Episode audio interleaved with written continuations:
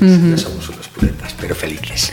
Pues eh, Javier Olleros, alegróme moitísimo. Gracias. Foi un placer, de verdad, cando que irades. Amor de los padres, eso nunca. A playlist. Javier, de verdad un placer. Un placer, gracias. Tenía muchas ganas. De para dormir Saludos. Arrancamos esta playlist en esta semana especial del mes de mayo, en la que acabamos de celebrar, celebrar o Día das, das Letras eh, Galegas. Y lo primero, voy a empezar eh, dando eh, unas gracias, yo puedo decir casi que, infinitas, por, por haber aceptado esta charla que vamos a tener con Pedro Ferriol Suárez. Muy bienvenido. Hola, muchas gracias. Pedro es, eh, o era, marino mercante, Sí, efectivamente. escritor. Eh, por ese acento que ya habéis podido notar, eh, cubano. Y que le gustaba muchísimo a María Victoria. Dice que nosotros hacemos un ceseo con, las, con las palabras que, bueno, no, nos distinguimos. Somos muy, muy parecidos a los canarios Ah, cierto. en, muchas en muchas cosas. Y él lo acaba de decir, le acaba de, de citar, eh, fue eh, marido de María Victoria Moreno. Para empezar, vamos, eh, yo suelo preguntaros por vosotros, pero en este caso mm, tan, tan excepcional, en esta, en esta playlist, eh, me imagino que desde que supiste que ella era la persona a la que se iba a dedicar este 17 de mayo, eh, está siendo un año muy intenso, ¿no? Muy intenso, un niño muy intenso, muy emotivo y realmente tanto su hija como yo, sus hermanos, pues estamos muy en contacto y muy emocionados. ¿eh? Vamos a hablar de ti, Pedro. Eh, naciste en La Habana. Sí, soy oriundo de la misma ciudad de La Habana, en Cuba. Eh, creo que tuve una, una, niñez eh, muy feliz. Eh, tuve una familia encantadora. Tengo mi, mi descendencia de mi abuelo materno, que era originario de, de Asturias, específicamente del pueblo Pola de la Viana Ah, que tuve la ocasión hace unos años de visitarlo con, con mi cuñado Rafael, hermano de María Victoria. Y eso me trajo muchos recuerdos ¿no? de, de mi niñez. Y creo que fue feliz, fue una niñez feliz, fui muy querido, muy arropado por, por mi familia.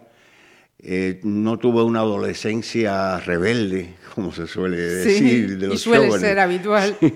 Pero bueno, yo no, no, no fui así, fui una persona muy, muy sedada, muy tranquila, enamorado de la escritura, de la lectura, desde, muy, desde niño, es algo que, que heredé de mi madre, ajá. que, era una, que es todavía con 90 años una gran lectora. Ah, Y nos pasamos hablando, cuando hablamos por teléfono a la distancia, pues siempre comentamos algún libro o algo y en eso, mm, bueno, pues es una cosa que se hereda, ¿no? Que se Sí. hereda las raíces eh, asturianas y las raíces cubanas, ¿no? Pero bueno, yo, mm, si me fuera a definir, si me fuera a definir, creo que yo me definiría como cubano de nacimiento y galego de adopción. Por mi esposa, ¿no? Sí, te iba a decir, eso tiene un paralelismo muy, muy grande con, Es, es que con ella, ¿no? que extremeña de nacimiento, Sí. pero gallega de corazón. hizo- Pero bueno, yo me siento como si fuera adoptado por María Victoria. Sí, sí. Sí, después de mucho problemas. Pues bueno, pues como te contaba, tuve una, una bonita juventud también. Cuando ¿Tenías, perdón, Pedro, ¿tenías más hermanos o eras una hermana, Una hermana. cinco años más pequeña que yo. éramos, éramos dos solamente. Pero bueno, nosotros en Cuba, por la situación política del país, pues eh, los jóvenes cuando ya llegan a la adolescencia y se buscan su trabajo, pues no se pueden mudar a un piso y hacer una vida independiente, sino que eh, convivamos, convivimos a veces hasta tres generaciones Ajá. dentro de una casa. Por suerte, nuestra casa familiar era muy amplia, tenía muchas habitaciones y, y bueno, fue así. Eh, volviendo a mi adolescencia, eh, cuando terminé el bachillerato, pues eh, ingresé en la Academia Naval. Desde hace mucho tiempo tenía la vocación ¿no? de hacerme marino mercante. Ingresé en la Academia Naval del Mariel, de allá de Cuba, era la única academia naval que existía en Cuba y que existe todavía, aunque se ha trasladado a, la, a las cercanías de la ciudad de La Habana. Y a pesar de, de ese deseo de seguir escribiendo que me surgió en la secundaria y en el bachillerato, eh, desgraciadamente durante la época de Marino pues no pude... Quedó- quedó parado. No pude, no pude. Era Ajá. capaz, fue una vida muy dura, muy intensa, era oficial. A medida que eh, ascendía en la cadena de mando hasta que llegué a capitán, y entonces las responsabilidades eran muchas. O sea, la responsabilidad de un barco que vale millones, un cargamento, una tripulación de veintitantos hombres Personas, que, que dependen de ti. Entonces, bueno, no tienes sentido solamente para eso, ¿no? Y dejé un poco olvidada la parte de la, De la escritura. De la escritura. Va- vamos a hacer una, una pausita, eh, porque estas, estas charlas, Pedro, las vamos aderezando con, con esa selección de canciones que vais haciendo. Y, y en este caso vamos a tener mucha suerte eh, aquellos que, que somos eh, seguidores de Alberto Cortés, Oh, porque la, la selección que Pedro nos ha hecho eh, es prácticamente, salvo la última que no vamos a desvelar cuál es, es de, de Alberto Cortés. Y te pregunto, vamos a, vamos a ir eh, poniendo las eh, canciones, pero cuéntanos el por qué nos has elegido a Alberto Cortés. porque era, era el, el- el cantante preferido de María Victoria. Él junto a Mercedes Sosa, pero mayormente Alberto Cortés. Se escuchaba mucho. Incluso llegas al, al equipo de música de mi salón y lo que está puesto es el CD de Alberto Cortés, porque no dejo de oírlo. Lo entiendo, lo entiendo perfectamente. Y vamos a empezar entonces la primera selección con el tema El callejero, ¿te parece? Mm, Te comento, eh, Callejero es una canción preciosa. No quiere decir que el libro Leonardo y los Fontaneros haya sido eh, escogido por esa canción, Ajá. pero sí yo creo que tuvo algo que ver, me comentó María Victoria. Pues luego además vam- vamos a hablar de ese libro que, que cambia vuestras vidas. Sí, y mucho. Era callejero por derecho propio, su filosofía de la libertad fue ganar la suya sin atar a otros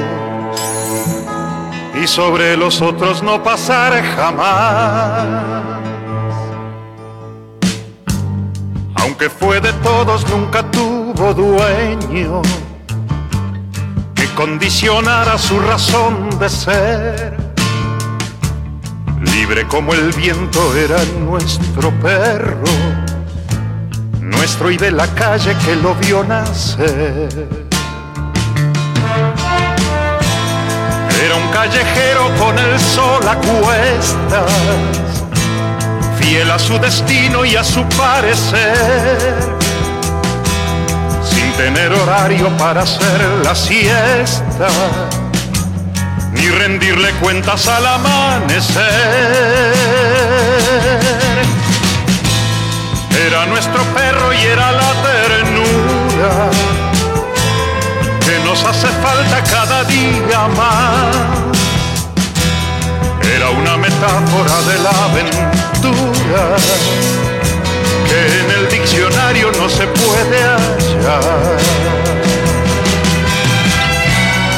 Era nuestro perro porque lo que amamos lo consideramos nuestra propiedad.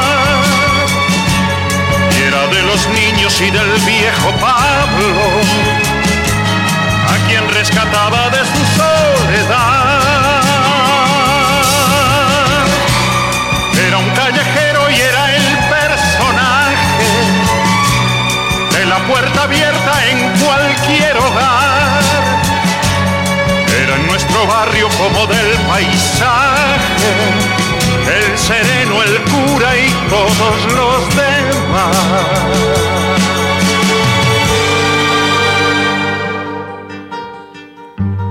Era el callejero de las cosas bellas y se fue con ellas cuando se marchó. Se bebió de golpe todas las estrellas, se quedó dormido y ya no despertó. Dejó el espacio como testamento, lleno de nostalgia, lleno de emoción. Vaga su recuerdo por los sentimientos para derramarlos en esta canción.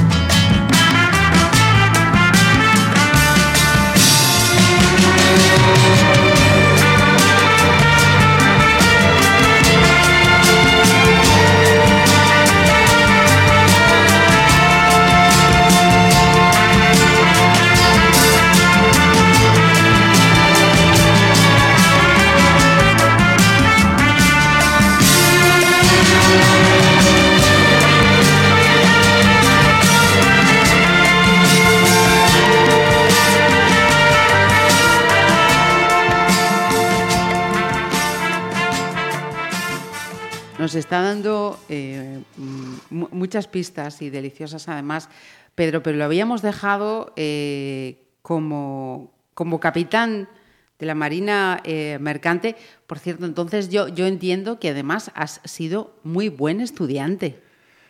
Mm, te confieso que para las asignaturas de ciencias no.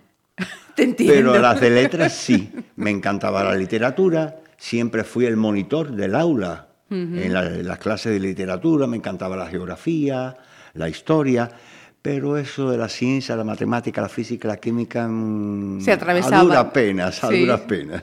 Sí, sí, sí, sí. Yo Te creo que fue desde, desde niño, siempre fui un hombre de letras.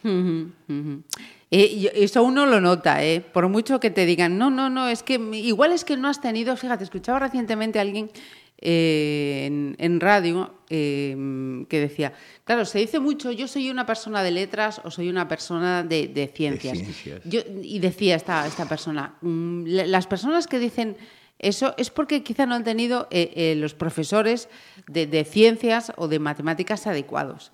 Yo ahí quizá discrepo. Yo creo que uno tiene No, unas no aptitudes creo, no. para unas cosas o para otras y puede tener un profesor estupendo, pero las aptitudes y son, son las aptitudes y las preferencias también. Yo creo que tanto asignaturas como facetas de la libra te enganchan desde pequeño.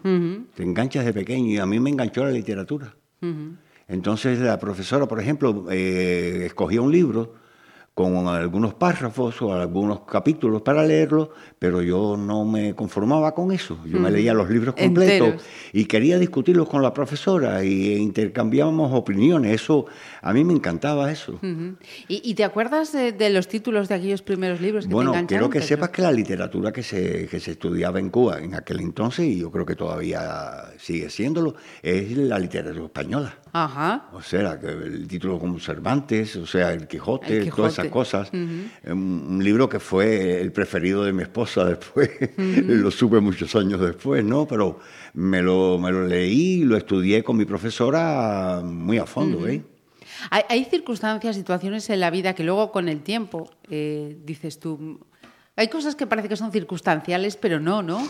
Tienen, tienen su, su- Yo la su llamo porqué. como si fuesen premoniciones, más bien. ¿eh? O sea, son cosas que te marcan de niño, de joven, y después cuando llegas a la adultez, pues Dices, ves que estaban tenían ahí, que pasar porque estaban ahí. sí, sí, sí, sí, sí, sí, señor, sí, señor. Eh, va- vamos a hacer otra otra parada con Alberto Cortés. También, además, esta, esta es una también de, de mis favoritas, en un rincón del alma. Bueno, esta canción no sé si podría hablar mucho de ella, ¿no? Escucharla sí, pero a veces lloro. Mm. Te soy sincero, a veces estoy en mi salón, yo solo, le, oyendo esa canción y lloro. Pues mm, con esas lágrimas, pero que dejen buen regusto, ¿vale? Mucho.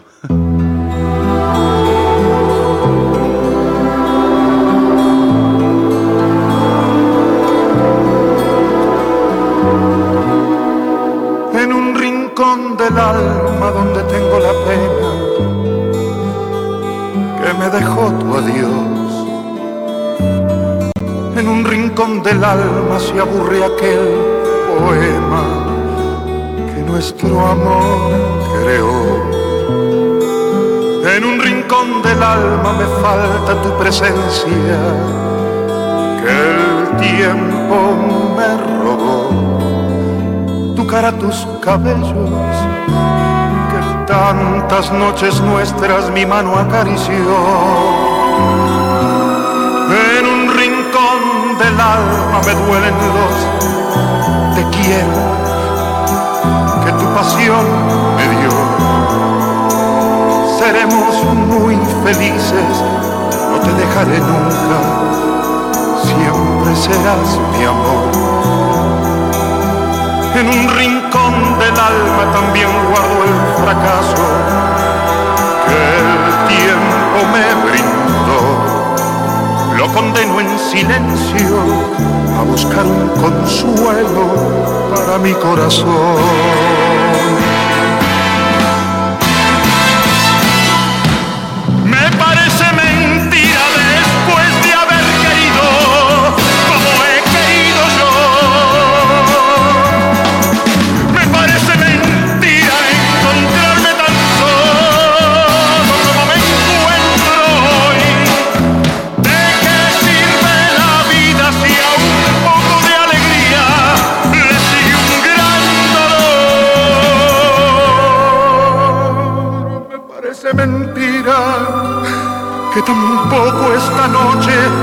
Escucharé tu voz en un rincón del alma donde tengo la pena que me dejó tu adiós. En un rincón del alma aún se aburre el poema que nuestro amor creó las cosas más bellas guardaré tu recuerdo. No logró sacarlo de mi alma, lo guardaré hasta el día en que me vaya yo.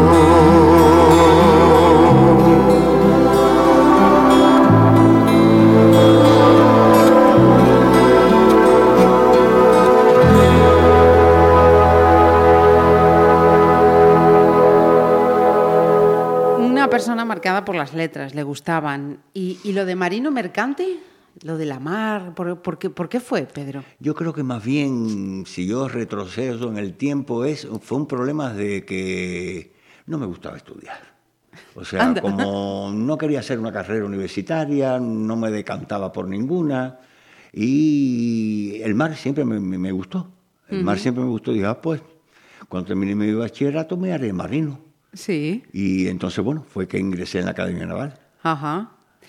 Y terminas y, como dices, vas eh, ascendiendo, Sí, se va ascendiendo la cadena, desde agregado de cubierta, tercer oficial, segundo oficial, varios años como primer oficial, que eso me reportó una gran experiencia, y después ya como capitán al mando total del, del buque.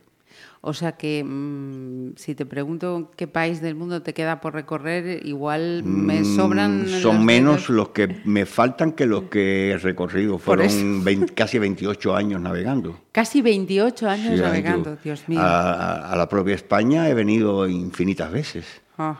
Por el Cantábrico, por el Mediterráneo, por la parte del Atlántico, que estuve en Galicia solamente en el puerto de Ferrol. Estuve un mes haciendo la reparación de un buque siendo yo primer oficial en aquel entonces. ¿Y, cómo, mm, si te pregunto, mm, que no será fácil, porque con tantos viajes eh, y recorriendo el mundo, si te digo, mm, ¿qué, te pasó por la cabeza en, este, en esa primera eh, llegada a un puerto español, sabiendo que tu abuelo materno era de aquel país? Por fin llegué al país de, de mi... ¿Te acuerdas de aquel primer del primero en específico no, pero algo, algo me tocaba. Cada vez que yo pisaba un puerto español sentía vuestro acento al hablar, cuando iba a una tienda, a, tomar un café en una cafetería, me, me encantaba, me emocionaba el, el acento de... Porque el problema es que mi abuelo, mi abuelo, a pesar de que murió ya mayor, muy mayor, eh, mantuvo el acento español. Sí. Y en mi casa se consumía sidra, Ajá. el gaitero, por Claro, cierto, que sí, todavía me señor. recuerdo. Y mi abuelo me hablaba mucho de España, mi abuelo de España, por eso ese, ese amor que tengo yo por una canción, una de las canciones de, de, de Alberto Cortés, de mi abuelo un día. Pues puede ser un buen momento este entonces para ponerla. Venga.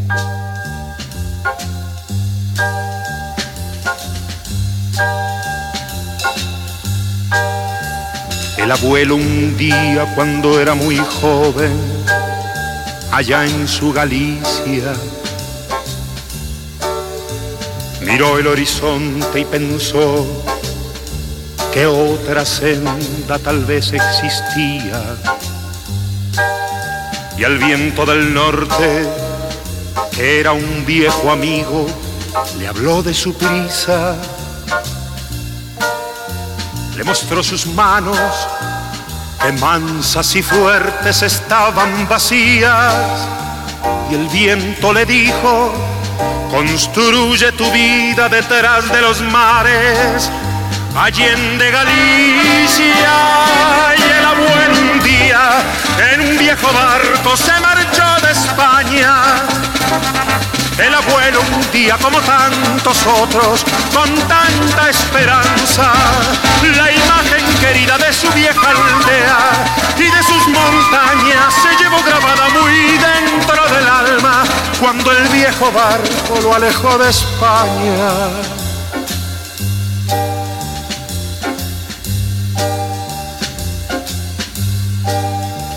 Y el abuelo un día subió la carreta de subir la vida.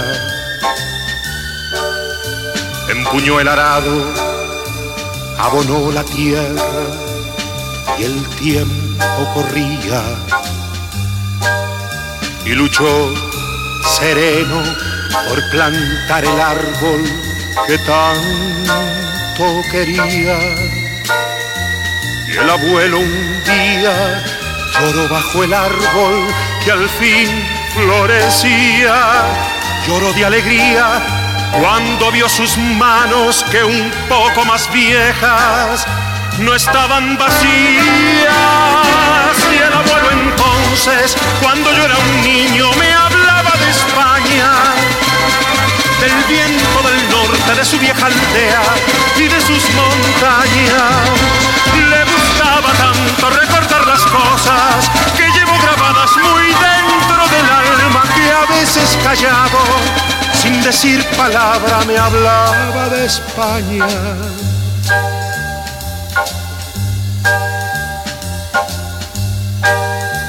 Y el abuelo un día cuando era muy viejo, allende Galicia, me tomó la mano y yo me di cuenta que ya se moría. Entonces me dijo con muy pocas fuerzas y con menos prisa, prométeme hijo que a la vieja aldea irás algún día y al viento del norte dirás que su amigo a una nueva tierra le entregó la vida.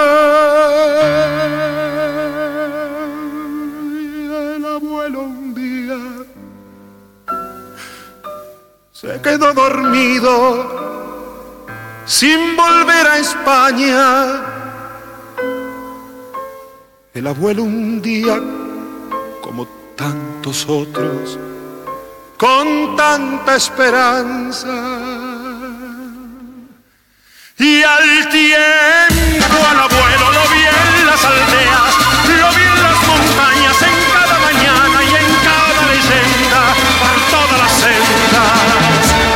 anduve de España.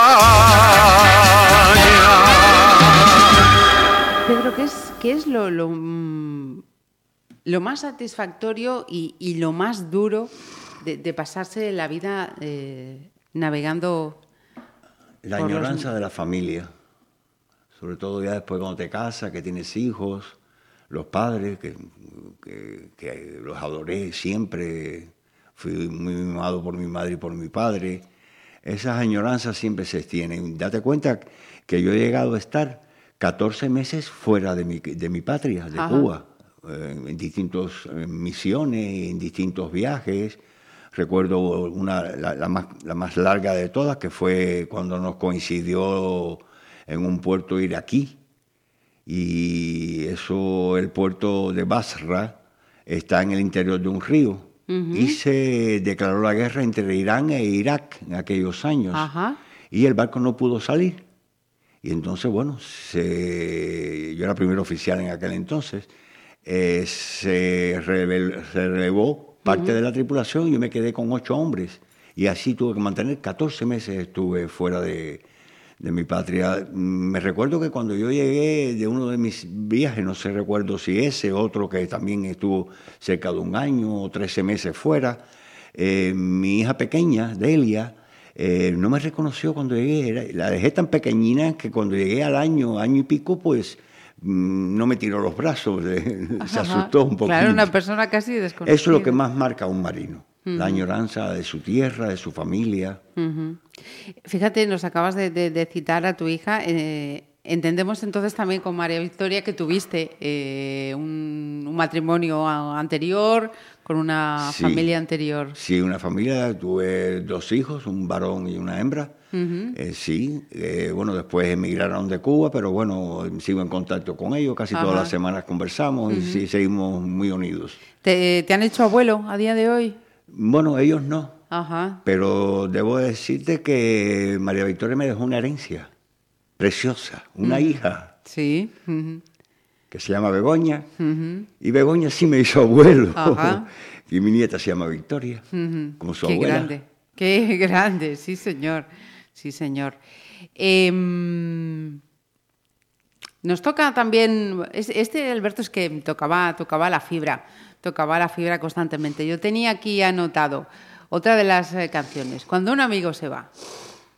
Oh, eso es una de las cosas, de las añoranzas grandes de perder, perder amigos durante la vida. Es, es muy duro, a veces jóvenes o esas personas mayores. Recuerdo dos capitanes con los que yo navegué muy jóvenes, muy joven siendo yo, siendo yo muy joven, y que ya fallecieron. Bueno, son, fueron grandes amigos míos, fueron mis mentores, los que me causaron mi carrera como marino. Y bueno, cuando se pierde un amigo, Se pierde parte de uno mismo. Sí, se pierde mucho.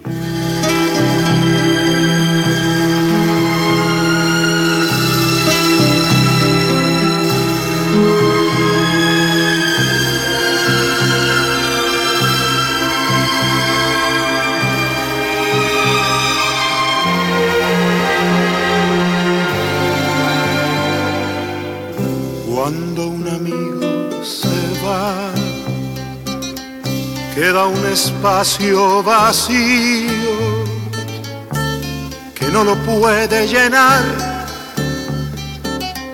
La llegada de otro amigo, cuando un amigo se va,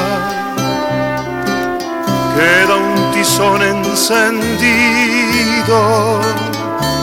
que no se puede apagar ni con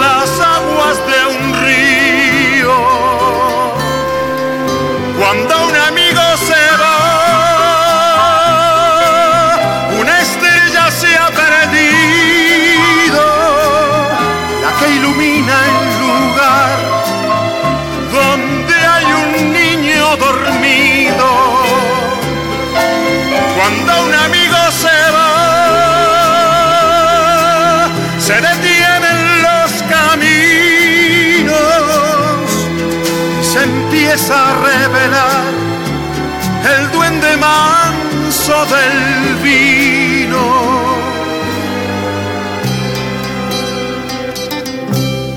Cuando un amigo se va, galopando su destino, empieza el alma a vibrar porque se llena de frío cuando un amigo se va queda un terreno baldío que quiere el tiempo llenar con las piedras del hastío. Cuando un amigo se va, se queda un árbol caído que ya no vuelve a brotar ha vencido. Cuando un amigo se va, queda un espacio vacío que no lo puede llenar. La llegada de otro amigo.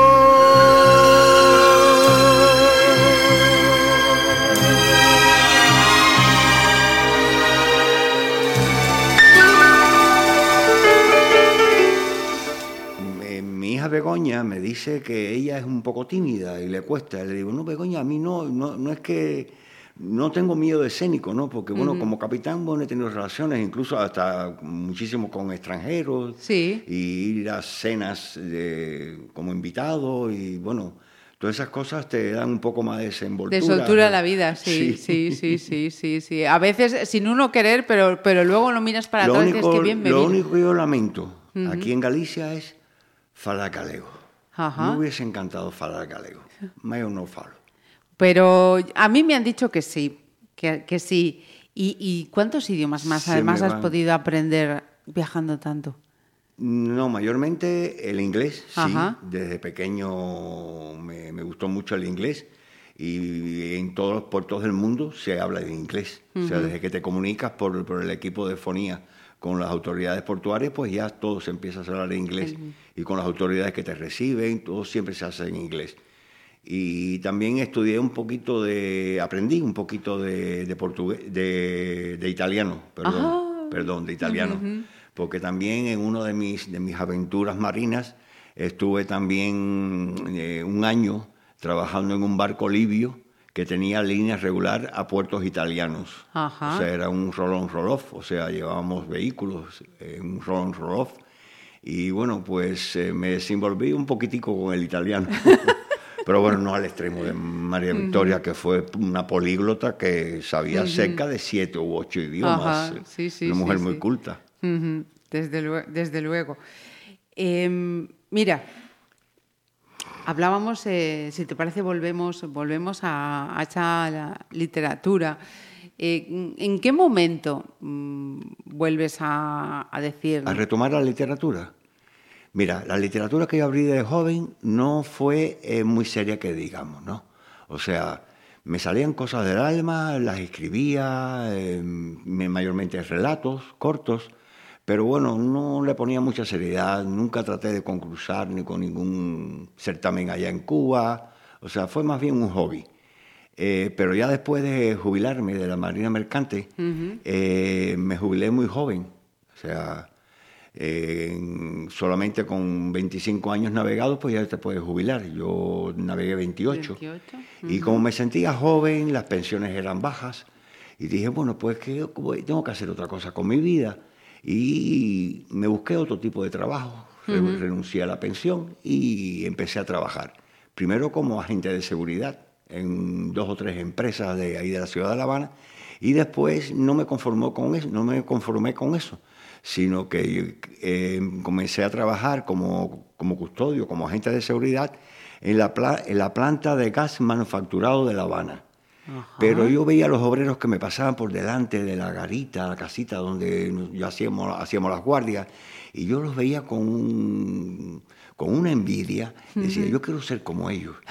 Y entonces en mis tiempos libres eh, empecé a hacer oposiciones a distintas plantas, a distintos eh, lu- lo- loca- lugares de, de trabajo. Ajá. Bueno, me entusiasmó tanto, tanto, tanto que la jefa de producción, que fue después una gran amiga, me animaba tanto que llegué a tener cuatro plazas diferentes en la, en la propia planta de gas manufacturado. y entonces yo era como si fuera el utility. Sí, porque sí. yo estaba en mi casa descansando, me llamaban por decirlo, ella, y me decía, Pedro, el, el operario de la caldera no puede hacer el turno de noche. Ah, ya, Allá iba iba Pedro. Pedro a hacer el turno de la, de la caldera. Y bueno, me, me sentía muy bien. Y entonces, eh, en esos primeros meses del, ya, ya de este siglo XXI, eh, empecé a escribir. Bueno, porque bueno, tenía mucho tiempo libre, eh, solo vigilando nada más. Y empecé con mis cuentos y mis relatos y mis cosas. Y mis primeros lectores fueron los propios operarios de la, de la planta. Recuerdo que nos sentábamos a las horas del, del receso en un local que se llamaba Fumadero, porque era el único lugar donde una planta de gases muy peligroso, ¿no? Había un lugar que se llamaba el Fumadero, entonces yo a ellos le- le- les narraba la- las, las Las historias que, que yo escribía. escribía. Y entonces ellos fueron, además de los primeros lectores, Ajá. los primeros críticos. Sí. Sí, me criticaban mis cosas, me daban orientaciones, me, me, me, o sea, me, Te me orientaban, ayudaron muchísimo, ayudaron sí, sí. muchísimo y gracias a eso pues eh, seguí, seguí escribiendo. Yo no dejé de escribir, ya desde ese, de ese tiempo de, no dejé de escribir. Eh, vamos de nuevo con Alberto Cortés. El siguiente tema que tengo apuntado se llama El amor desolado.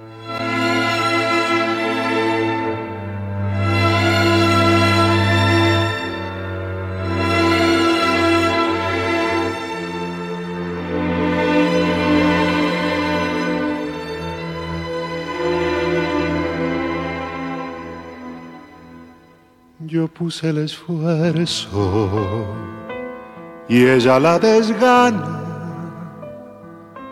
Yo el hondo silencio y ella la palabra. Yo senda y camino y ella la distancia. Yo puse los ojos y ella la mirada.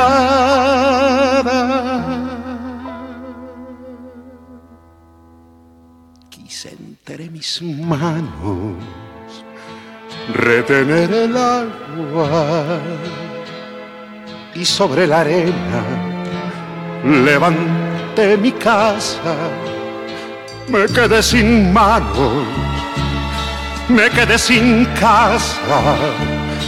Fui raíz oscura y ella tronco y rama. Para que la cuenta del amor sumara, ella puso el cuerpo, yo el cuerpo y el alma.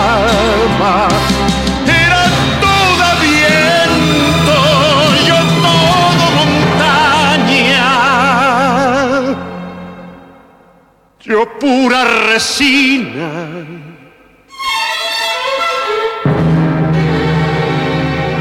Y ella pura llama.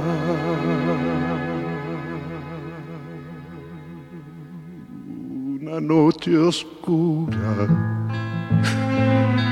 se fue de mi casa. Cegaron mis ojos para no mirarla, para no seguirla. Cerré las ventanas, clausuré las puertas para no llamarla. Puse rosas negras sobre nuestra cama, sobre su memoria puse rosas blancas y a la luz difusa de la madrugada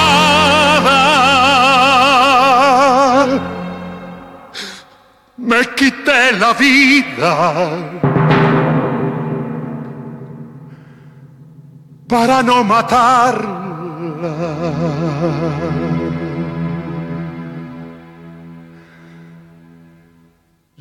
Puse todo,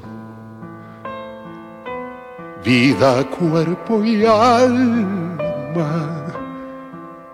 Ella, Dios lo sabe, nunca puso nada.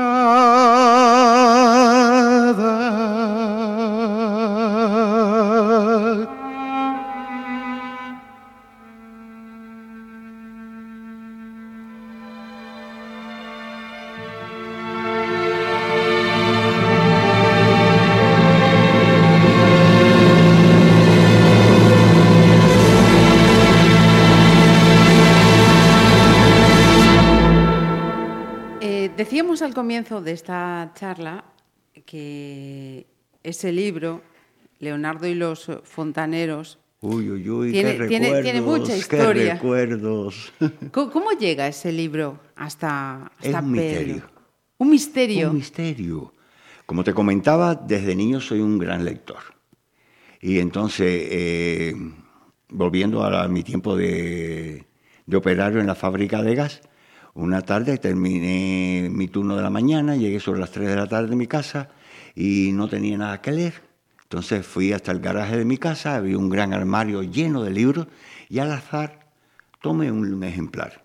Cuando lo veo, su portada eh, me, impactó, me llamó la atención, porque era la escena de un chico con un perro en los brazos. La cara del chico me, me- me parecía como una cara picaresca, un chico de hacer maldades, de muy intranquilo, pero sin embargo los ojiños del perro me, me daban como de miedo, Ajá. o sea, eran tristes. Sí. Y eso me, me llamó la atención. Cuando miré más a fondo el, el libro, me di cuenta que era literatura infantil y juvenil. Y hacía muchos años que no leía, excepto El Principiño. El Principiño es uno de mis libros de, de cabecera. cabecera. Siempre lo tengo en la mesilla de noche. Y, y dije, bueno, pues vamos a leerlo, porque hacía mucho tiempo que no leía literatura infantil y juvenil. Y le hice una primera lectura rápida y me quedé, bueno, ese día, eh, adiós a la siesta, ese día no hubo siesta, porque después de haber trabajado toda la, toda la mañana muy duramente en la, en la planta, eh, no fui capaz de, de soltarlo. Y lo estuve leyendo hasta que lo rematé cerca a las 8 o 9 de la noche. no, pude, no pude terminar. Y me enganchó. Yo me enamoré de ese libro. Después hice varias lecturas más. Durante las semanas siguientes hice varias lecturas. Y las lecturas estas fueron un poco más, eh, más analíticas, más en profundidad. Y empecé a, a remarcar ciertos párrafos que me, que me enamoraron, que me, me llamaron muchísimo la atención. Y yo pensaba para mí mismo, digo, ¿quién será esta escritora, María Victoria Moreno, de España, mm, que no sé si vive todavía, pero ¿cómo es capaz de, de escribir algo tan hermoso? Algo que, que, que fue como, como lecciones de vida, como, como el tratamiento con los animales, eh, hablaba de bondad, de generosidad, habla- a- transmitía tanto ese libro que al mes y medio mm, me asaltó la, la idea, en parte eh, un poco animado por mi madre, eh, y le, le escribí a María Victoria a España. Claro, no sabía su dirección. Entonces tuve que mandar la- el- una carta A la editorial. a la editorial SM de Madrid, rogándoles que hicieran la carta que estaba en el interior, eh, hacerla llegar a María Victoria. Y efectivamente fue, bueno, María Victoria recibió la, la carta. Eh, María Victoria en aquel entonces había terminado de sufrir una etapa de cáncer, ¿no? El cáncer de mama, Sí. que, o sea, estaba un poco maligna, ¿no? Pero bajo la existencia de, su, de, de- de nuestra hija Begoña, eh, Begoña le decía, pero mamá, que este pobre hombre que está escrito desde tan lejos, eh, un fan mm, caribeño, bueno, tienes que responderle. Bueno, y finalmente María Victoria me, me respondió la carta y bueno, desde ahí fue que empezamos a, a nuestras andaduras juntos. Ajá. Eh, la, la escritura, el género epistolar es el que, el que os une entonces, ¿no? La literatura, Sí, las sí, letras. Sí, pero sí, efectivamente. Pero bueno, la- esa correspondencia epistolar entre ella y yo no nos fue suficiente. Ajá. No nos fue suficiente, ya se nos quedó corta. Eh, las cartas mm, duraban 30, 35 días eh, ir eh, y venir de Cuba a, Espa- a- a- a Galicia, pues. Y entonces ya eh, nos comunicábamos por teléfono, yo le mandé mi teléfono, eh, también por correo electrónico, también. Ajá. O sea, ya había más, más complicidad. Eh, pero yo creo, y lo he comentado en otras ocasiones, que, que lo, que más me enamoró a mí de María Victoria, o, o el comienzo del enamoramiento con María Victoria, fue su voz. Eh, tuve la suerte de que ya el día de mi cumpleaños, después de ya llevarnos unos meses eh, en relaciones epistolares, eh, me llamó y ese fue el, el mejor regalo que tuve en ese cumple, ¿no? Y ¿Qué, qué día es, Pedro? 29 de octubre, eh, finales de octubre. Y entonces al escuchar su voz, pues, eh, porque María Victoria eh, escogía las palabras, tenía una dulzura al hablar, un convencimiento, una fuerza, una entereza, era, era, era una enamorada de la palabra. Y escucharla a ella cuando conversábamos por teléfono, eso era, para mí fue algo grandioso, fue algo grandioso. Yo creo que fue el comienzo de- del enamoramiento. Y bueno, eso fue una, una etapa que duró meses, ¿no? Duró varios meses, hasta que esas, esas cartas, esas conversaciones telefónicas, esos correos, cada vez se hicieron más íntimos, había más complicidad, más entendimiento, eh, nos, nos contábamos de nuestras vidas. Bueno, era la cosa entre dos amigos separados por el mar Atlántico. Y cosas de, creo, de escritores o de gente de letras, no sé. Eh, no sé cómo definirlo. El día primero de enero del año 2003 nos declaramos el amor. Espera, espera, yo quiero que me, que me- que me cuentes eso con más detalle. Vamos a hacer otra, otra parada. Fíjate, decías, eh, do- do- dos grandes amigos separados por el Atlántico. Creo que puede ser un buen momento para poner el tema a mis amigos de Alberto Cortés. Sí.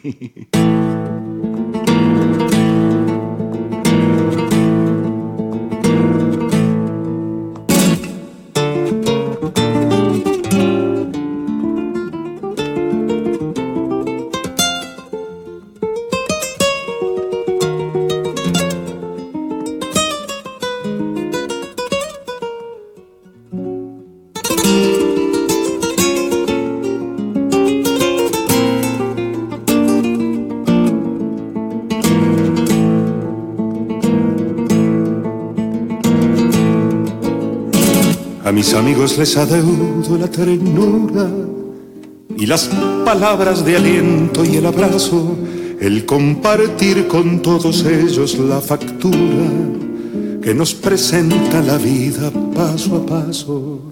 A mis amigos les adeudo la paciencia de tolerarme las espinas más agudas, los arrebatos del humor, la negligencia, las vanidades, los temores y las dudas.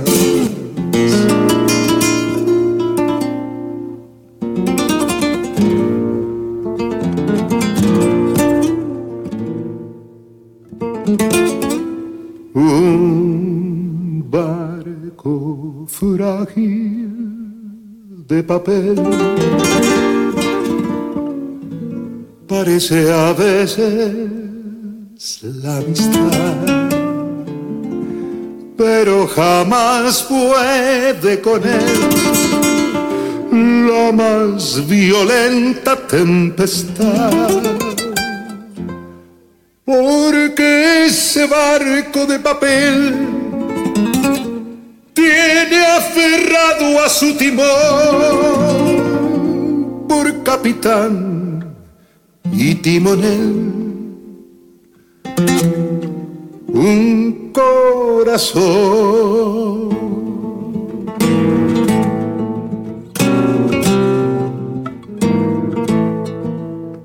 A mis amigos les adeudo algún enfado que perturbara sin querer nuestra armonía. Sabemos todos que no puede ser pecado el discutir alguna vez por tonterías. A mis amigos legaré cuando me muera mi devoción en un acorde de guitarra y entre los versos olvidados de un poema, mi pobre alma incorregible de cigarra.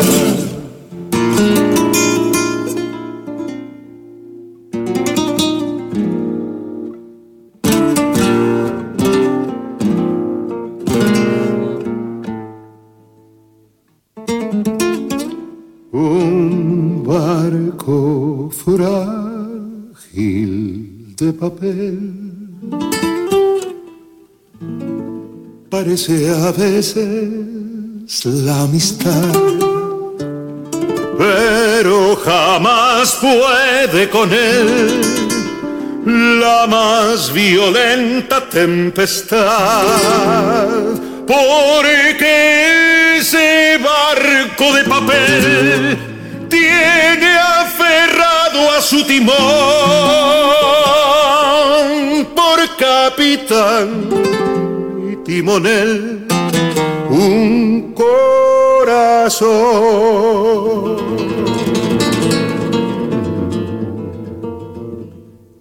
Amigo mío, si esta copla como el viento, a donde quieras escucharla te reclama, serás plural porque lo exige el sentimiento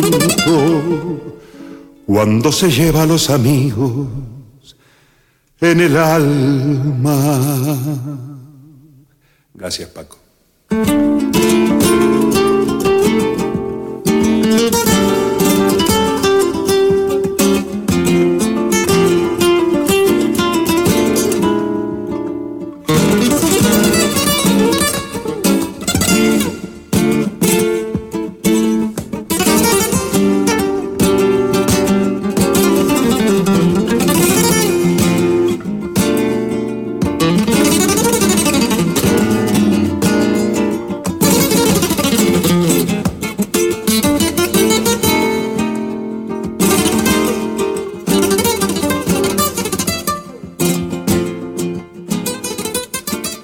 Nos acababa de, de dar esa fecha exacta, el 1 de enero de 2003. Ajá. O sea, eh, nos decíamos palabras cariñosas en las cartas, en los correos y esas cosas, pero lo que es declararnos oficialmente nuestro amor, lo hicimos el, el 1 de enero del año 2003. Y fue una declaración muy, muy sui generis de cosas, no, no sé, nuestras. Eh, lo hicimos a través de, de dos poemas. Ajá. Ella me mandó un soneto, eh, se llama me, Me pides amor, un soneto precioso, y yo le respondí con un poema de versos libres. Y es una pregunta, dime cómo no quererte. Es como se titulaba mi, mi poema. Y a partir de ahí, bueno, comenzamos ya a hacer planes, ya muy, muy, muy oficiales. María Victoria es una mujer muy valiente. Creo que, que eso lo han- se lo han definido muchísima gente que la conoció. Eh, en un inicio, lo que teníamos planteado era yo pedir un permiso temporal de tres meses para conocernos un poco más a fondo, ¿no? Para Ajá. ver qué hacer. Y eso no fue posible. Fue la época de- del gobierno de Aznar, había muchas trabas con las cuestiones de migración y me negaron el, el, el- el permiso para, eh, temporal para aquí, para venir a, a España para estar con María Victoria. El día que yo le comuniqué por teléfono esa noticia, eh, sentí unos segundos de, no sé si de dolor, de impaciencia, de dudas, no sé. Pero de pronto, a- después de transcurridos esos segundos, me soltó una palabra, una, una, una, una pregunta. ¿Y si yo me voy a Cuba y nos casamos allá? Yo me quedé boquiabierto, boquiabierto, le digo, por mujer, si apenas nos conocemos, necesitamos tiempo. No, no, no, no, no. Ya está decidido, ya está decidido. Es una mujer muy... Cuando ella enfrenta la... Ella siempre se enfrentó a la vida. en las buenas y en las malas. Y yo creo que esta fue una de las de los enfrentamientos con la vida. Sí, sí, sí. La que la tomó a tomar en segundos esa tan importante decisión. Y efectivamente, el 10 de mayo del propio año, estaba yo recogiéndola a las 7 de la tarde en el aeropuerto José Martí de La Habana. ¿Y, y cómo es, es ese momento en que ya os veis Pedro y María Victoria en persona? Para mí, mi compañera. Yo necesitaba a mi compañera, mi, mi confidente. La vi todo, era, era todo, era todo en ese momento y nos abrazamos, ella lloró un poquillo. y, bueno, después salimos del, del- del aeropuerto, un amigo que fue que nos llevó en un coche, eh, nos tomamos de la mano, nos sentamos en el, en el asiento trasero del coche, tomados de la mano y no nos la soltamos más, no la soltamos más. Llegamos a casa de mi familia, donde estaba toda mi familia recibiéndolo, estuvimos conversando hasta, hasta las 1500 de la noche. Y María Victoria, al día siguiente, por la mañana, bajamos de la, o sea, bajó, yo había bajado primero, bajó en camisón. Ella se desenvolvió en la casa como si hubiera vivido toda, su vida. allí, porque fue un cariño tan grande, recíproco entre mi familia y ella, y ella con su, mi familia, que bueno, nos sentíamos, mm, bueno, como, como, como en familia.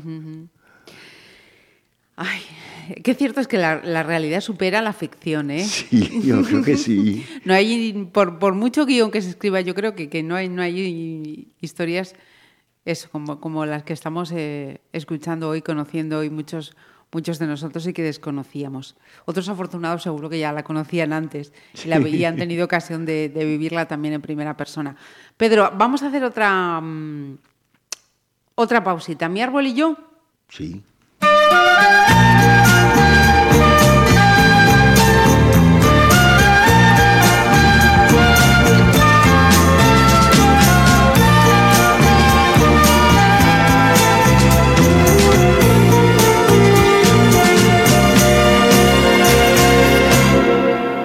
Mi madre y yo lo plantamos en el límite del patio donde termina la casa. Fue mi padre quien lo trajo, yo tenía cinco años y él apenas una rama. Al llegar la primavera, abonamos bien la tierra y lo cubrimos de agua. Con trocitos de madera hicimos una barrera para que no se dañara. Mi árbol brotó. Mi infancia pasó. Y hoy bajo su sombra que tanto creció tenemos recuerdos, mi árbol y yo. Con el correr de los años, con los pantalones largos, me llegó la adolescencia. Fue a la sombra de mi árbol una siesta de verano, cuando perdí la inocencia. Luego fue tiempo de estudios con regresos a menudo, pero con plena conciencia que iniciaba un largo viaje solo de ida el pasaje y así me ganó la ausencia, mi árbol quedó y el tiempo pasó.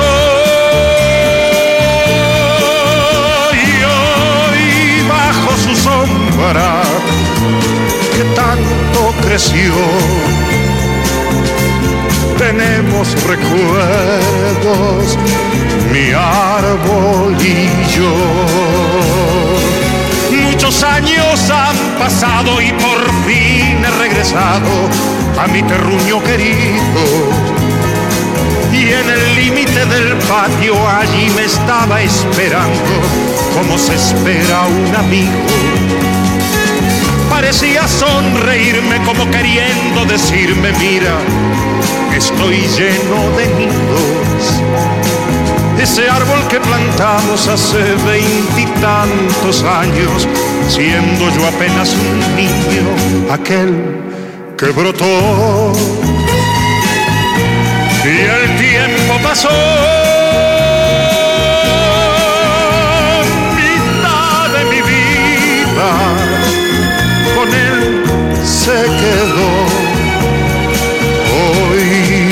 Su sombra que tanto creció. Tenemos recuerdos, mi árbol y yo.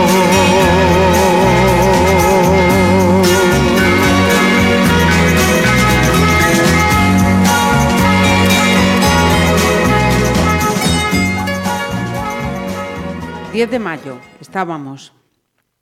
El- la fecha de esa boda en 72 horas después. 72 horas después. Después. Lo tienes. Lo de nosotros fue a, a toda marcha, a todo tren. Nosotros echamos la vida adelante eh, con toda la fuerza, con toda la fuerza. Fíjate qué, qué casualidad estoy, estoy cayendo yo entonces en la cuenta que, que precisamente ese, ese, ese homenaje, ese 17 de mayo, va, va a ser Casi, casi inmediato con, con, con esa boda. fecha de la boda. Sí. Dios mío, lo que son las Nos casamos cosas. eh, por lo civil, ¿no? Sí, Allá sí, en, sí. La, en la ciudad de La Habana eh, participó toda mi familia, mis padres, mi hermana, mis sobrinos. Mis hijos no estaban, mis hijos estaban ya viví, radicando en el extranjero. Eh, y bueno, nos casamos allá en la notaría y bueno, pues después hicimos una fiestiña en, en casa y, y María Victoria, recuerdo que participaron todos los vecinos, porque bueno, eh, en los barrios de La Habana, en las afueras, como vivíamos, vivíamos nosotros, eh, nos sentíamos como familia. Nosotros desde pequeños, las casas no, las puertas siempre estaban abiertas, como en los pueblos y en las aldeas de Sí, Galicia. sí, sí. Bueno, igual, igual. Así era en, en- en mi barrio allá en La Habana. Y María Victoria tuvo unas, unas eh, palabras preciosas a todos, agradeciendo el cariño con que la habían recibido, porque después de una primera, yo me, me- me levantaba por la mañana, pues, buscaba a María Victoria y María Victoria estaba conversando con una vecina a 50 metros de mi casa. Sí, sí, Pues sí. así, así es ella, así era ella. Se, se integró, vamos, Sí, como si hubiese sí, vivido sí, toda la De vida. toda la vida. Sí, señor. Mira, ¿y cuánto tiempo eh, está María Victoria allí en, en La Habana? Porque luego creo que volvéis ya Las juntos, ¿no? dificultades eh, continuaron, las dificultades continuaron, porque a pesar de que estábamos, eh, ella fue por 15 días solamente, solamente por 15 días, pero eh, siguieron poniéndonos trabas en el consulado de España allá en la ciudad de La Habana. Y entonces María Victoria se quedó un mes, a si se solucionaban las cosas, pero no se solucionaron. Ajá. Y entonces ella se tuvo que marchar. Se tuvo que marchar, estuvo muy abatida, muy dolida.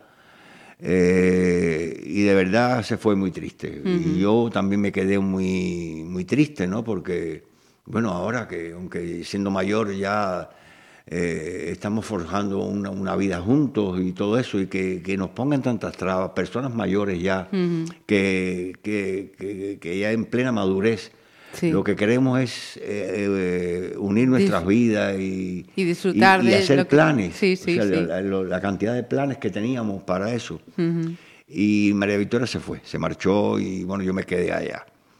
Pero María Victoria no se quedó convencida, convenci- eh, continuó con su valentía, con su arrojo, con su fuerza Ajá. de voluntad. Y entonces comenzó semana tras semana demandándole fax al cónsul general de La Habana Ajá. lo debe haber mareado. Yo le decía a María Victoria, yo creo que me- eh, por, por quitarte de encima, yo creo que me, dieron el permiso para poder regresar acá. El que la sigue, la consigue. Y la consiguió, la consiguió. Y todavía tengo eh, guardados de recuerdo todos esos Todos fax. aquellos faxes, Todos sí. esos faxes, sí. Y los correos electrónicos, todas las cartas, todo eso lo tengo en- Ajá. guardado. Y, y nos has relatado antes, Pedro, cómo era ese, ese momento de llegada de María Victoria a La Habana y cómo fue el, el momento de la llegada de Pedro, mm, supongo que a Santiago. A Santiago, sí, efectivamente, a Santiago. Yo llegué a Santiago, bueno, mucho después del matrimonio, el 6 de octubre del, del propio año fue que yo pude llegar a Santiago y me fue a recibir con su hija Begoña Y bueno, eso para mí, me- ya, a partir de ese momento también Begoña pasó a ser mi hija. Porque, bueno, hicimos una familia, hicimos una familia y te confieso que las primeras semanas de- me costó un poco integrarme, ¿no? Ajá. Porque bueno, eh, hay que reconocer que, que somos, que vivimos, que vivíamos en culturas completamente diferentes, ¿no? La latinoamericana, o sea, la caribeña y la española, eh, son dos sistemas sociales completamente diferentes. Ajá. Y esas primeras semanas se, se- se- me, me costaron un poco para adaptarme, pero ya después, bueno, ya me sentía, sobre todo el trabajo. La escritura fue la que más, lo que más nos unió, lo que más, porque trabajamos muchísimo. Porque además ese año también llega eh, otra criatura que he leído que se llama Un home na praia. Sí, sí. Bueno, eh, realmente eh, yo tenía ya escritos unos cuantos eh, relatos, pero ya, o sea, vamos a ir por partes, Sí. vamos a ir por partes. Eh, en cuanto comenzamos a trabajar juntos, Ajá. nosotros éramos uno. O sea, yo revisaba sus trabajos, salvando las distancias de una gran escritora y yo un escritor en ciernes, ¿no? Pero bueno, eh, ella fue tan, tan hábil en ese sentido de que me dio todo su apoyo, toda su, su, su enseñanza para que yo fuera creciendo también como, como escritor. Y entonces algunos de los eh, relatos que ya yo había escrito en Cuba, eh, yo se los había estado mandando. Y ella empezó a traducirlo, todas esas cosas, a que finalmente salió Un hombre en la playa, que fue mi primer libro publicado en Galicia, en galego. Un libro editado con Xerais, esa, esa recopilación de cuentos que, cantaba, que cantabas o que contabas, ¿no? Sí. A tus compañeros de, de- de trabajo. Eh, pues de cantar, vamos a hacer esa otra pausa. Eh, por ejemplo, tengo un anotado. Pudiera ser que pudiera. Ojo, siempre se puede más.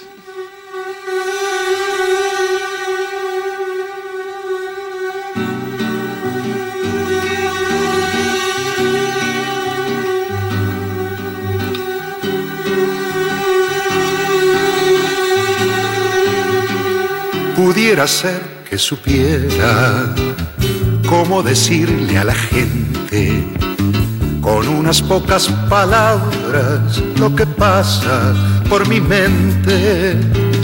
Pudiera ser que supiera cómo decirle que el vino es bueno para beber y no para hacer camino pudiera ser que pudiera, como saber que una estrella solo se alcanza volando y no con una escalera.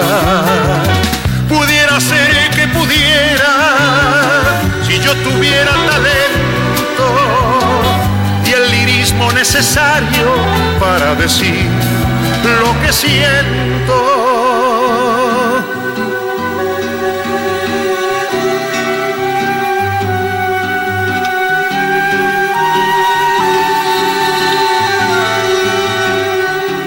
Pudiera ser que pudiera ser demagogo de oficio y reclamar por el pueblo en mi propio beneficio.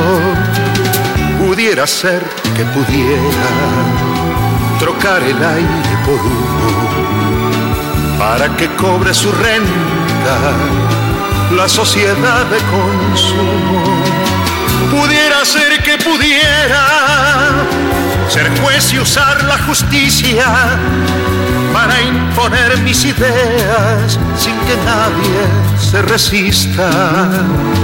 Pudiera ser que pudiera, sería cuestión de intentarlo, pero me duele en el alma cuando me pongo a pensarlo.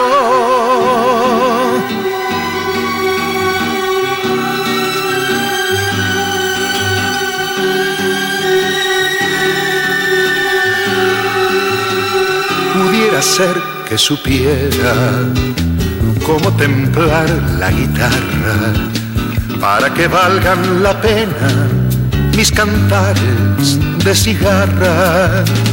Pudiera ser que supiera cómo mezclar la baraja para que nadie de todos pueda jugar con ventaja. Pudiera ser que pudiera reconocerme a mí mismo sin recurrir a un espejo ni caer en fanatismo. Pudiera ser que pudiera, si yo tuviera talento y también lo que hace falta para decir siento.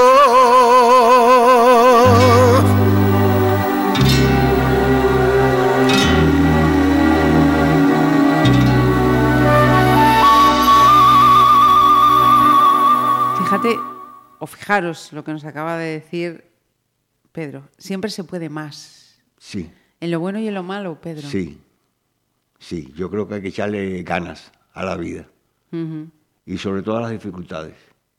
Porque Pero hay que enfrentarse a ellas, ¿eh? No se le pueden esquivar, no se le pueden dar la espalda, hay que enfrentarlas. Y eso me enseñó María Victoria. Fíjate que yo hoy, eh, pensando en, en esta entrevista, en esta charla que íbamos a tener, yo mm, pensaba, eh, cuando, cuando tú conoces a María Victoria, eh, ya sabías, ya conocías su enfermedad. La conocí por su primera carta. Sí, sí, sí, sí. Por eso digo, ya sabías de, Sí. de su enfermedad. Sí, Y mm, sabiendo eso, mm, uno va notando cómo esos sentimientos crecen, Claro. crecen, crecen, se van haciendo con uno. A la otra persona le, le- le pasa i- igual. Y digo yo, mm, siendo consciente de esa situación, el amor duele más, menos, el sentimiento es más intenso. El, el amor a esas edades, o sea, el nuestro fue un amor de madurez. O sea, estaba desprovisto de las pasiones de la juventud, pero era un amor sensato, bien meditado y con muchas ganas, con muchas ganas. Yo soy de los que piensa que eh, el tiempo de amor o el tiempo de casado o el tiempo de una vivencia, una vivencia juntos no se mide por años ni por meses, sino se mide por momentos y por intensidad de esos momentos. Y esos pocos tiempos, esos pocos años que yo viví con María Victoria, fueron extremadamente intensos. Y no solamente en el aspecto de la, de la literatura, que fue, fueron muy intensos. O sea, en esos años eh, formamos la Sociedad de Literaria Olmo. Y lo que salió ya a partir de que yo llegué, eh, tanto sus libros como los míos salían bajo la firma esa de la Sociedad Literaria Olmo. Y yo creo que yo crecí no solamente como escritor, sino que por esa diferencia de entre culturas y entre formas de ver la vida, yo creo que crecí más como ser humano gracias a María Victoria. Porque con ella aprendí lecciones de vida, de, de bondad, de, de intensidad que, que yo no imaginaba antes. Y me, me decías, eh, pensando, pensando en una de las canciones que también hemos eh, seleccionado, eh, yo soy un soñador, Soy un soñador. pero tus, tus sueños me da la impresión que los, que los has logrado, ¿no? Yo creo que sí. Yo creo que sí. Yo nunca fui un... Nunca me conformé. Nunca me conformé. Y le puse ganas a la vida. Y logré de la vida lo que... Lo que, lo, lo que logré fue por mi, mi propio mérito. O sea, no, no me lo dieron, no me lo regalaron, no, no lo pedí prestado, sino que lo construí yo, ayudado de con María Victoria. Y fueron pocos años, fueron pocos años, pero muy intensos y que perdurarán. Incluso eh, yo escribí un artículo, un artículo no, un ensayo para un libro que va a salir eh, publicado por la Universidad de Santiago de Compostela y se lo dediqué a María Victoria. Y se tituló Ti seguirás aquí. Ajá. Qué grande. Em, vamos con Castillos en el aire. Los míos no fueron en el aire, los míos fueron reales. Quiso volar igual que las gaviotas, libre en el aire, por el aire libre.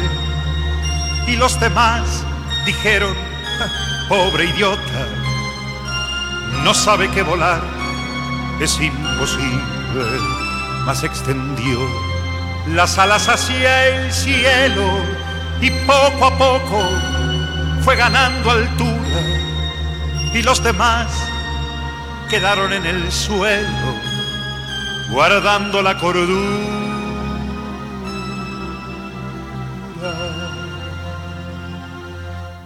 Y construyó castillos en el aire a pleno sol con nubes de algodón en un lugar a donde nunca nadie pudo llegar usando la razón y construyó ventanas fabulosas llenas de luz, de magia y de color y convocó al duende de las cosas que tienen mucho que ver con el amor.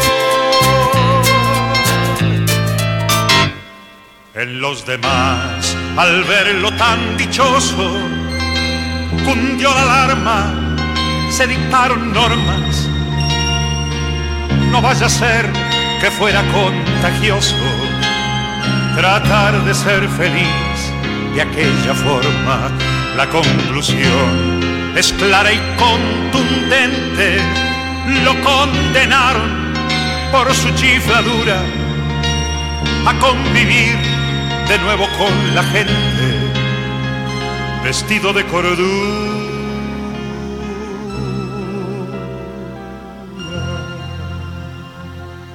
por construir castillos en el aire a pleno sol, con nubes de algodón, en un lugar a donde nunca nadie pudo llegar usando la razón. Y por abrir ventanas fabulosas llenas de luz, de magia y de color y convocar al duende de las cosas que tienen mucho que ver con el amor.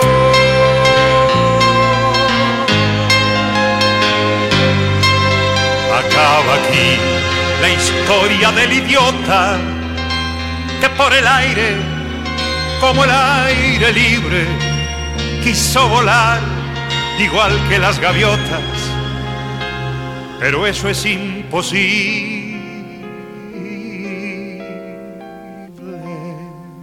Yo creo que es una, es una lección de vida eh, tremenda para muchos, Pedro.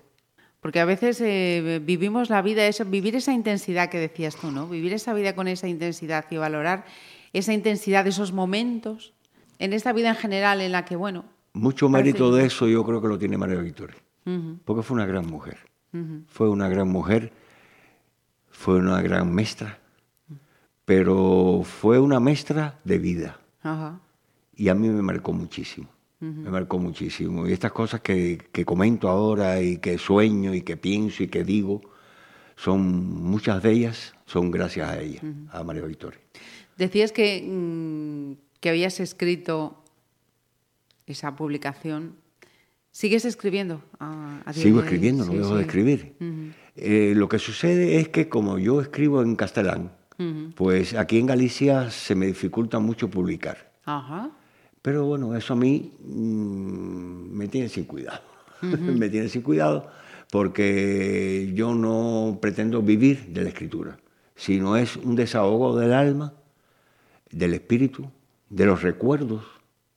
Y eso, tomar un boli y embadurrar un folio en blanco, pues a mí eso me, me satisface muchísimo. Y ¿Sigues- aún sigo escribiendo. ¿Sigues escribiendo además entonces a mano? Nada de ordenadores, No, no, a no. mano. Tal como lo hacía María Victoria y como lo hacía yo. Sí. Primero en bolígrafo.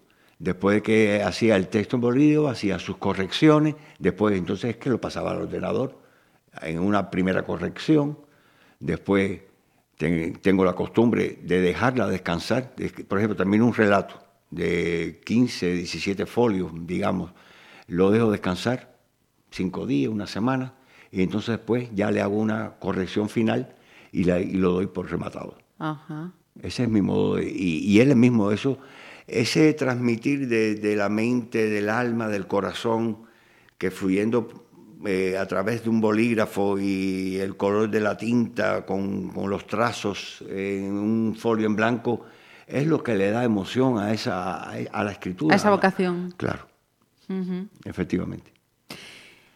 ¿Cómo es el, el Pedro Ferriol abuelo? un desastre, un desastre. Mi hija me riñe, lo que no te puedes imaginar. ¿Por qué? Porque mi nieta Victoria ya tiene 10 años. O sea, ella es adoptada. Ajá. Y la adoptaron con do- dos añitos. Y en esos primeros tiempos, incluso primeros meses, que antes de ella comenzar la educación infantil, pues yo era, me quedaba a su cuidado y la tenía casi todo el día conmigo, ¿no? Ajá. Y la malcriaba mucho. Pero esa es la obligación de los abuelos, Pedro. Porque es que los abuelos, los abuelos no estamos para educar. Para eso están los padres. Efectivamente. Yo lo que trato en lo posible, no malcriarla lo- lo- demasiado, ¿no? Ajá. Pero también mi nieta Victoria también fue una fuente de, de- De inspiración. de inspiración, sí. Porque quiero, le tiene guardados eh, 18 cuentos infantiles que le he Ajá. escrito durante todo este tiempo de, de infancia. Ay, qué bonito regalo, Dios mío. Y por suerte fue una niña que desde los 5 o 6 años que empezó a escribir y a leer, le encantó la literatura, es una lectora empedernida, devora los libros, bueno, igual que su aboa, Ajá. igualita. Tiña que ser, ¿no? Como Tiña dicen, que tiña que ser, Sí. tiña que ser. Pues nos queda, nos queda una selección más, eh, Pedro, que vamos, no, no va a ser Alberto Cortés. Vamos a terminar con Mercedes Sosa, porque me decía Pedro que Alberto Cortés y Mercedes Sosa. ¿Y por qué no me sorprendes con esa canción, una canción de Mercedes Sosa? Gracias a la vida. Vamos a terminar con ella, con Gracias a la vida. Y se las doy. Mercedes. Y se las doy. Además, me, pare- me parecía que era el, el final perfecto, Yo creo que porque sí. con todo lo que has vivido eh, se te nota, se aprecia. Entiendo que estoy delante de un hombre agradecido a la vida. Sí, muchísimo, muchísimo. Pedro, eh, y es que te lo mereces. no sé, eso sí no lo sé. y es que te lo mereces. En Y yo, además de. Sí, En ese sentido yo no trato de... Yo no soy, no voy por la vida como un hombre escaparate. Nunca lo he sido. O sea, desde la modestia, de la sensatez, la tranquilidad, de, de esos valores humanos que me inculcó María Victoria y que bueno, yo creo que nacieron conmigo y por la educación que me dio mi propia familia, pero bueno, que encontré y que real, reafirmé en esos años con María Victoria, eh, puedo decir que sí, gracias a la vida. Pues yo te doy las gracias a ti por esta oportunidad de haberte conocido. Para mí es un placer. Y gracias por esta tremenda lección o lecciones que, que hemos- que yo por lo menos he aprendido en este ratito de, de charla. Muchísimas gracias, Pedro. Gracias a vosotros.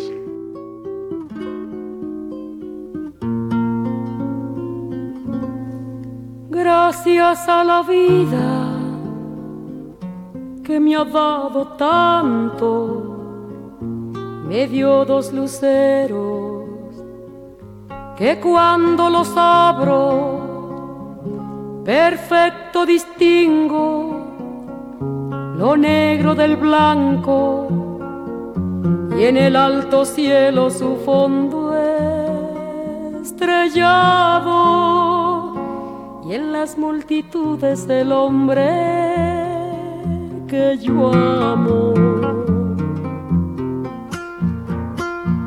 Gracias a la vida que me ha dado tanto, me ha dado el oído que en todo su ancho graba noche y días, grillos y canarios, martillos, turbinas, ladridos, chubascos y la voz tan tierna de mi bien amado.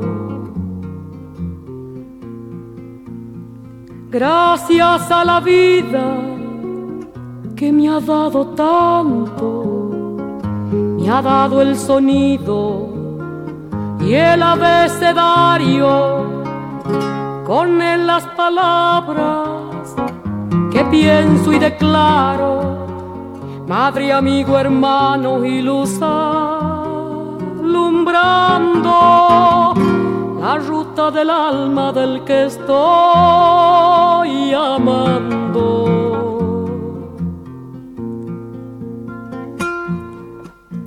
Gracias a la vida que me ha dado tanto, me ha dado la marcha de mis pies cansados, con ellos anduve ciudades y charcos, playas y desiertos, montañas y llanos, y la casa tuya, tu calle y tu patio.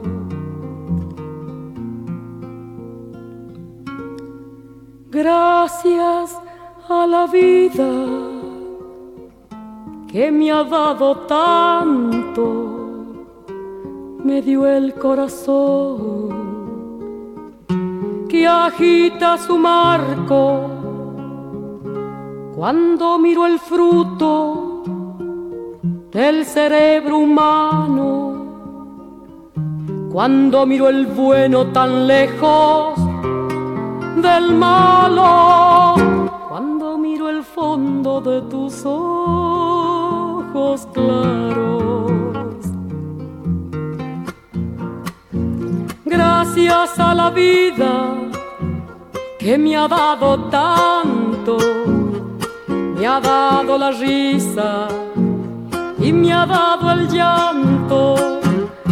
Así yo distingo dicha de quebranto, los dos materiales que forman mi canto y el canto de ustedes que es el mismo canto y el canto de todos que es mi propio canto. Gracias a la vida